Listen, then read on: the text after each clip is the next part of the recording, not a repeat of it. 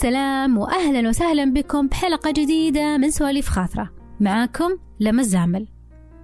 بداية أبحكي لكم موقف حصل لي من فترة وأعتقد موقفي هذا حصل لكثير غيري.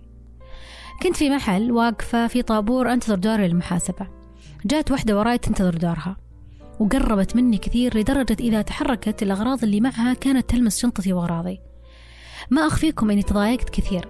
المهم حاولت أبين لها أنها أزعجتني وأنه مو عاجبني الوضع لكن لا حياة لمن تنادي. جيت بحاسب يا جماعة أنا ممكن أحلف لكم أنها عرفت الرقم السري من كثر ما كانت لاصقة فيني. من بعدها فعلت الأبل باي. إن المكان ما كان مزحوم أبد وما في أحد بالصف غيري أنا وياها. طلعت من المحل وأنا جدا جدا جدا منزعجة. وأفكر إنه كيف في ناس ما عندها حدود المساحة الشخصية وكيف ما فهمت تلميحاتي وغيره وغيره من الأفكار. بعدين جاء على بالي. طيب يمكن ما كانت تدري إنه خطأ أو ما انتبهت إنها تسوي هالشيء قد يكون حماسها هو اللي دفعها المحاسبة عشان تخلص وتطلع بسرعة. لذلك لا شعوريا هي بدأت تقرب بهالطريقة. اليوم قررت أناقش معاكم هالموضوع. راح نتكلم عن المساحة الغير مرئية حول الفرد اللي تسمى بالدائرة الشخصية. طيب وش التفسير العلمي والنفسي أصلا للمساحة الشخصية؟ إذا مثلا لسبب خارج عن إرادتك جاء أحد وأقتحم المساحة الشخصية لك. مثل يعني إذا كنت في مصعد وجاء أحد ودخل معك. يعتبر هذا الشخص اخترق الفراغ أو المساحة الشخصية لك. في هذه الحالة بطريقة لا شعورية حنا نحاول نوجد حواجز بيننا وبين الشخص اللي معانا بالمصعد. مثل أنك تسكت ولا تتنحنح أو تحط عيونك بالأرض أو ترفع عيونك لفوق ولا تقعد تحوس بجوالك. وإذا زاد الزحمة قد تضطر أنك تتكتف مثلا أو أنك تمسكين بشنطتك كنوع من صناعة الحواجز حولك. طيب حنا أصلا ليش نسوي هذه الحواجز؟ ببساطة هذا الحاجز المعنوي أو حتى الحسي يعطينا نوع من الانتماء والراحة للمكان اللي حنا فيه. مثل بالضبط لما تحط صور عيالك ولا أغراضك الشخصية على مكتبك في العمل. أنت تسوي هذا الشيء لأنه يعطيك شعور بالانتماء والراحة للمكان. في عالم سلوك فسر هذه النقطة تماما. اسمه إدوارد هول وهو عالم في سلوك الإنسان. سمى المساحة الشخصية باسم بروكسيمكس اللي عرفها ببساطة أنها دراسة تأثير الدائرة المحيطة بالإنسان على سلوكه. العالم هول قسم الدوائر الاجتماعية حول الشخص إلى عدة أقسام. أولا الدائرة الحميمية وتقاس بمقدار صفر إلى نصف متر من الشخص. وهي خاصة للناس المقربين جدا من الشخص مثل الأبناء الوالدين الأزواج وغيره.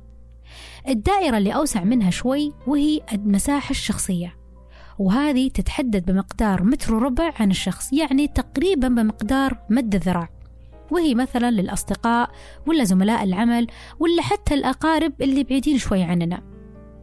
الدائرة اللي أوسع منها وهي المساحة الاجتماعية. وهذه تقاس بمقدار أربع أمتار تقريبا وهي للناس الأغراب البعيدين عننا.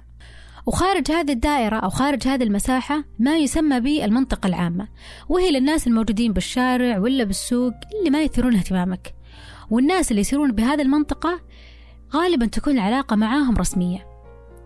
طيب مقاس هذه المساحات الاجتماعية حول الناس ممكن أنها تتغير بعدة عوامل مثل مثلا شخصية الفرد ولا المكان اللي هو فيه والدولة ولا ثقافة المجتمع وغيره وغيره من العوامل. خلينا نشرح هذه النقطة يعني بطريقة موسعة أكثر. شخصية الفرد ومدى انفتاحه ممكن أنها تغير من مقاس المساحة الشخصية حوله. مثلا الناس اللي عندهم تحفظ زايد يميلون أنهم يزيدون المساحة الشخصية حولهم وتكون الدائرة المحيطة بهم أوسع شوي وما يبون أحد يقرب منهم. برضو تختلف المساحة الشخصية للفرد بين الذكور والإناث. في بحوث كثيرة تقول أن الإناث فيما بينهم يميلون أن تكون الدوائر الاجتماعية لهم أضيق من الذكور فيما بينهم. كيف بالنسبة للأماكن طيب؟ الجو العام للمكان اللي أنت تكون موجود فيه يأثر على المساحة الاجتماعية حولك. مثلا وجودك في مقهى ولا مطعم غالبا تكون المسافة الاجتماعية حول الشخص أقل من لو تكون مثلا في مكتبة عامة. ويرجع هذا لأن الناس غالبا في المكاتب تحب تختلي بنفسها وتقعد تقرأ ولا تبحث. بينما في المقهى ولا المطعم الوضع مختلف. إن الناس غالبا جالسين جلسة بسيطة والناس مجتمعة وتسولف وفي نوع من الإزعاج يعني. الدراسات تقول أن مفهوم المساحة الشخصية تختلف من بيئة ودولة إلى أخرى. هذا يرجع لحسب ثقافة المجتمع ومعدل الازدحام السكاني. يعني مثلا عندنا في الدول العربية حنا معروف عندنا أننا مجتمع محافظ نسبيا. لذلك يعتبر مساحة الشخصية أوسع من غيرنا من الدول يعني مثلا مثل إسبانيا. طيب بالنسبة للدول اللي معدل الازدحام عندها عالي مثل الهند والصين تلقى المساحة الشخصية فيها ضيقة لأنهم ببساطة دايم زحمة. وهذا يخلينا إننا نتفهم أكثر من لو أحد من دول ثانية ولا من ثقافة ثانية اقتحم مساحتنا الشخصية. قد تكون ثقافته كذا. في مقال قريته قبل يقول إن سلوك الناس يتغير من فترة زمنية لأخرى. يعني قبل سنوات كان مفهوم المساحة الشخصية إلى حد ما قليل والناس ما كانت تتضايق أو تحس بالانزعاج إذا أحد غريب قرب منها. بينما الآن لا الموضوع مختلف تماما. هذا يرجع إلى إيمان المجتمع بالفردية وصار مفهوم الحيز المكاني للشخص مهم جدا. العالم إدوارد هول اللي تكلمنا عنه قبل لما حدد المساحة الشخصية هو أعطى قوانين واضحة لعلماء وأطباء النفس لسنوات طويلة.